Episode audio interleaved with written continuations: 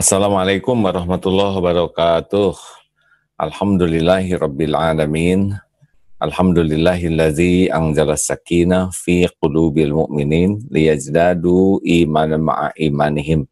Allahumma salli ala Muhammadin wa ala alihi wa ashabihi ajma'in. Sahabat-sahabat sekalian, jadi dalam hidup ini ada episode-episode, episode janin. Sudah kita lewati dan kita tidak bisa mengenang janin karena waktu janin kita tidak tahu apa-apa. Episode bayi, lihat episode itu mengalir ya. Episode waktu kita bayi. Udah bayi selesai, dan kita tidak bisa mengenang masa kita bayi, kecuali paling lihat potretnya kalau ada. Episode balita kita sudah lewati. Episode TK dulu.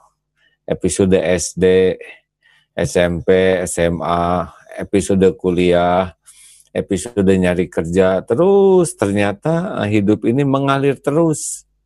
Ada episode-episodenya dan mungkin kita dokumentasikan dalam berbagai bentuk ada pakaian waktu SMA ada ada ya foto waktu SMA dan sebagainya ya tetapi waktu hidup ini mengalir terus dan ada dan ya dan nyaris tidak terprediksi oleh kita tentang apa yang akan terjadi dalam kehidupan kita selanjutnya termasuk kita pun tidak tahu nih uh, episode-episode yang akan berlangsung pada diri kita. Tidak ada yang menyangka kita akan menghadapi situasi wabah seperti sekarang ini. Tidak. Banyak orang yang punya rencana, banyak seluruh dunia mungkin. Orang-orang punya rencana, perusahaan-perusahaan punya rencana, negara punya rencana, keluarga punya rencana. Tetapi sekejap saja rencana ini berubah. Seketika itu tidak sesuai dengan rencana. Karena apa? Karena ada perencana lain di jagat semesta alam ini. Dialah Allah Subhanahu wa taala. Bayangkan kita mengarungi hidup ya kalau A sudah 58 mau 59 dan nyaris tidak terprediksi. Hari ini saja ya ada beberapa jadwal. Jam sekian akan bagaimana, jam sekian akan belajar ini, jam sekian akan ada Zoom dengan. Tetapi kalau dijalani nyaris itu yang dijalani itu tidak selalu seperti apa yang kita rencanakan, yang kita inginkan. Apa artinya? Artinya ada perencana lain, ada penguasa kejadian yang akan uh, yang menentukan, yang menentukan apa yang terjadi dari waktu ke waktu. Dan ini penting sekali bagi kita untuk meyakini bahwa bahwa penentu penguasa segala-galanya adalah Allah. IA baca tuh tentang yang kena uh, COVID tidak menyangka hari ini masih bareng sore bareng lalu tiba-tiba besoknya masuk rumah sakit beberapa hari kemudian sudah tidak tidak ada lagi sudah wafat. Nah episodenya memang begitu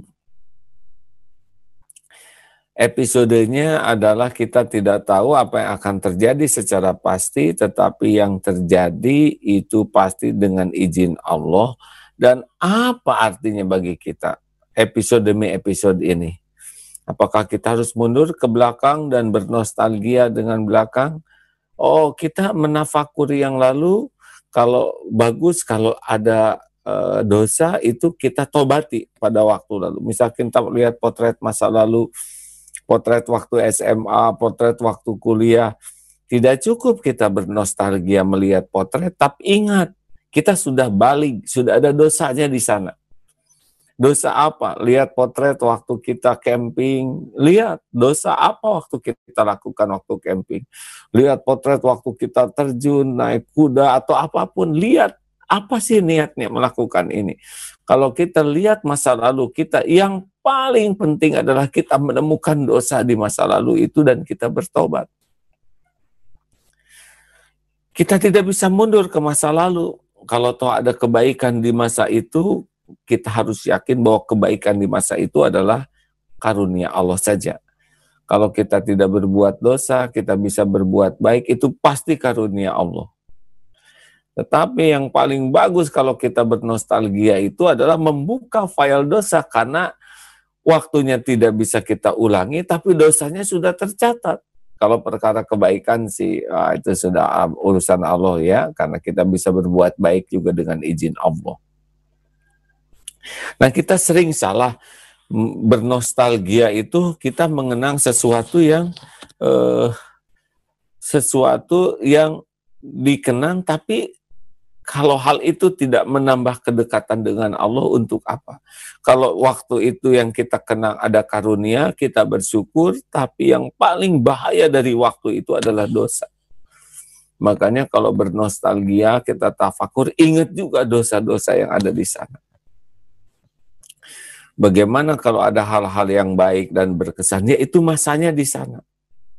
Masanya sudah berlalu dan tiap waktu maju terus seiring dengan usia. Kita tidak bisa tidak bisa memaksakan diri ingin seperti waktu zaman SMA aduh SMA tuh indah ya. Kemudian reuni lalu memaksakan diri kita. Misal ya pakai seragam SMA eh berperilaku. Sudah tidak cocok sama sekali ya. Wajah bentuk badan kulit udah uban udah nggak cocok pakai seragam SMA kecuali mungkin hanya untuk lucu-lucuan tetapi uh, kita tidak bisa mundur. Lalu mengenang, wah zaman SMA kamu ini apa gitu.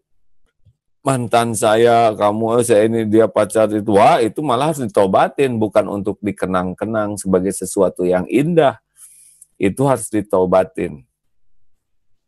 Wah dulu saya juara ini, juara itu. Periksa, ada ujubnya tidak, ada riaknya tidak. Waktu saya di wisuda ini ada potret wisuda.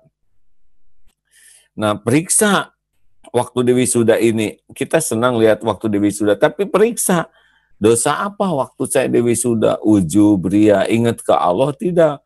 Nunggu waktu wisuda sampai sholat terbengkalai. Periksa. Nah, di sanalah manfaatnya bernostalgia, yaitu untuk membuka file-file dosa-dosa kita.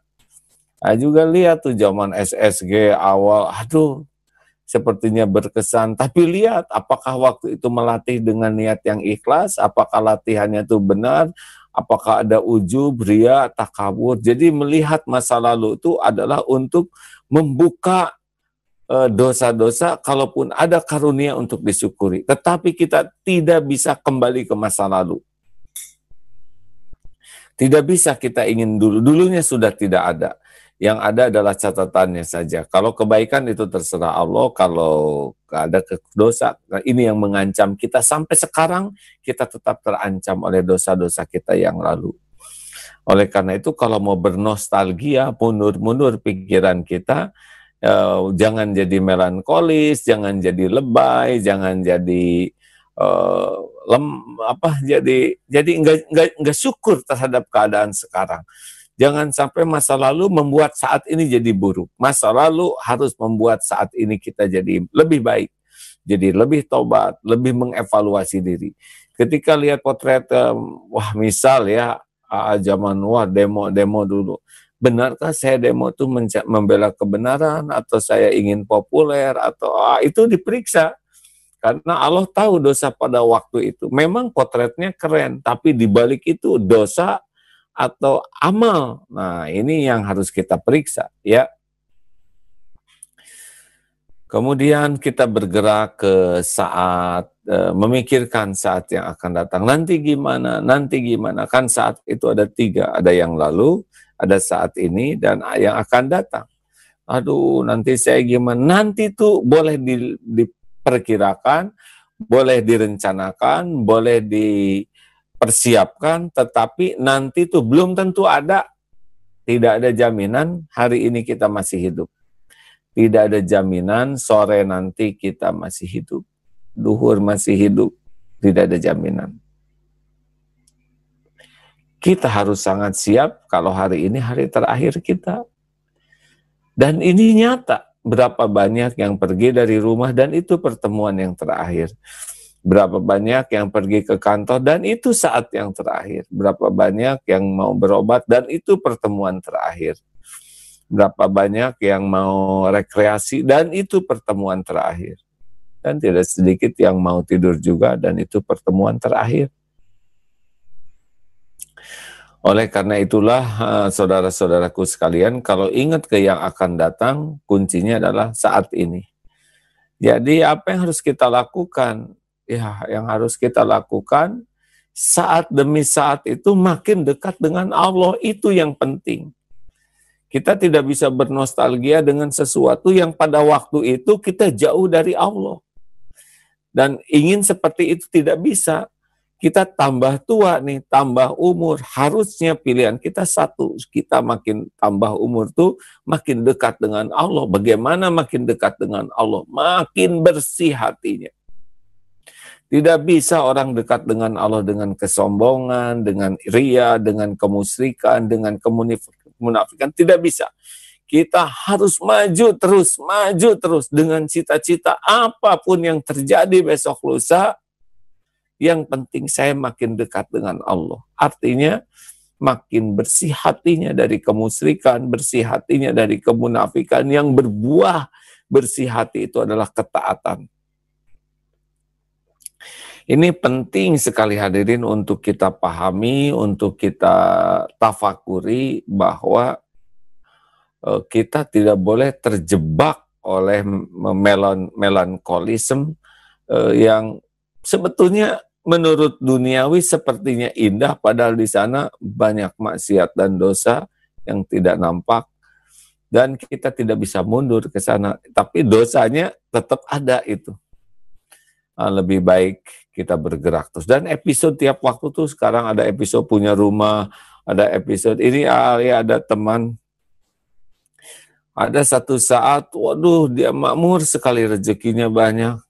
Terus suatu saat uh, salah seorang anggota keluarganya meninggal dan ret, sampai untuk mencari makan aja susah. Nah, betapa episode itu cepat. Ada yang dipuji-puji, dek suatu saat oh, suaminya masuk penjara, Jut, jatuh. Yang tadinya dipuji jadi begitulah. Yang gagah, gagah tiba-tiba jatuh sedang naik ke sepeda, terjadilah balik berubah semua tuh. Tidak ada yang nyangka. Bersepeda jadi meninggal, bersepeda jadi sakit parah. Tidak ada yang menyangka. Sedang lari, kemudian tertabrak dari belakang. Tidak ada yang menyangka. Ada yang sedang naik sepeda pas lepas tangan masuk ke selokan dan patah tidak ada yang menyangka. Semua menjadi berubah seketika. Benar? Tapi ada tapinya. Apa pun yang terjadi harus membuat kita jadi dekat dengan Allah. Itu saja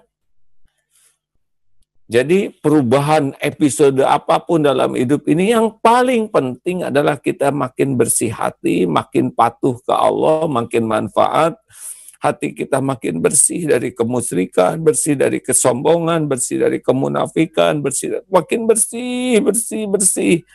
Nah, episode apa pun nanti mau sehat, sakit, ada harta, tidak ada harta apa pun, kalau itu makin bersih hati, makin dekat dengan Allah, itu makin beruntung dan makin bahagia. Apakah kita bisa bahagia dengan masa lalu? Tidak bisa, masa lalu sudah selesai, ya. Apakah kita akan bahagia mirip dengan dulu? Enggak bisa, enggak bisa. Zamannya sudah beda. Seperti AAS sekarang dengan uh, usia segini ya uh, sudah ngerasakan sekarang usia 58 mau 59. Udah beda. Turun tebing sudah dulu bangga bisa turun tebing, sekarang bisa ngeriak nih badan ya. Dan untuk apa turun tebing? Dulu misalkan ikut terjun payung, wah bangga. Padahal di sana juga ada ujubnya, rianya, macam-macam. Sekarang enggak bisa ya. Saya harus tahu nih, umur saya sudah tinggal sedikit lagi. Saya belum tentu bisa pulang selamat. Saya harus waspada dengan sisa umur ini. Jangan sampai sisa umur ini membuat diri saya makin busuk hati, makin mata harus saya jaga. Udah sangat lama nih saya pakai mata ini Tinggal dikit lagi saya bisa melihat. Tinggal dikit lagi saya bisa mendengar. Tinggal sedikit lagi tubuh ini bisa berbuat. Nah, dengan kesadaran begitu, maka sisa umur ini baiknya kita tata sedemikian rupa, sebersih mungkin. Jadi kalau aduh saya tuh ingin bahagia di sisa umur ini, pasti bahagia bukan karena uang, bahagia bukan karena harta, bukan karena gelar, pangkat, tidak ada cerita.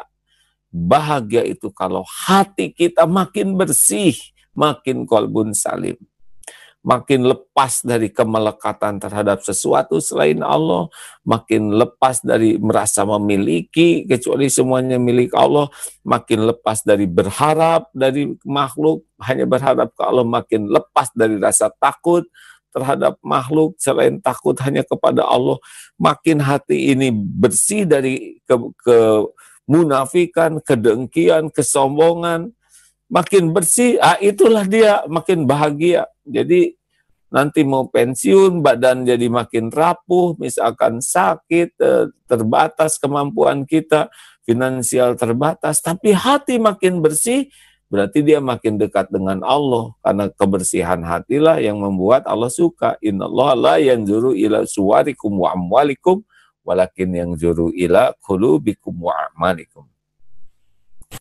Jadi kita tidak bisa bernostalgia, wah dulu waktu badan saya masih bagus misalkan. Dah, udah, nggak usah begitu. Badan bagus juga ria.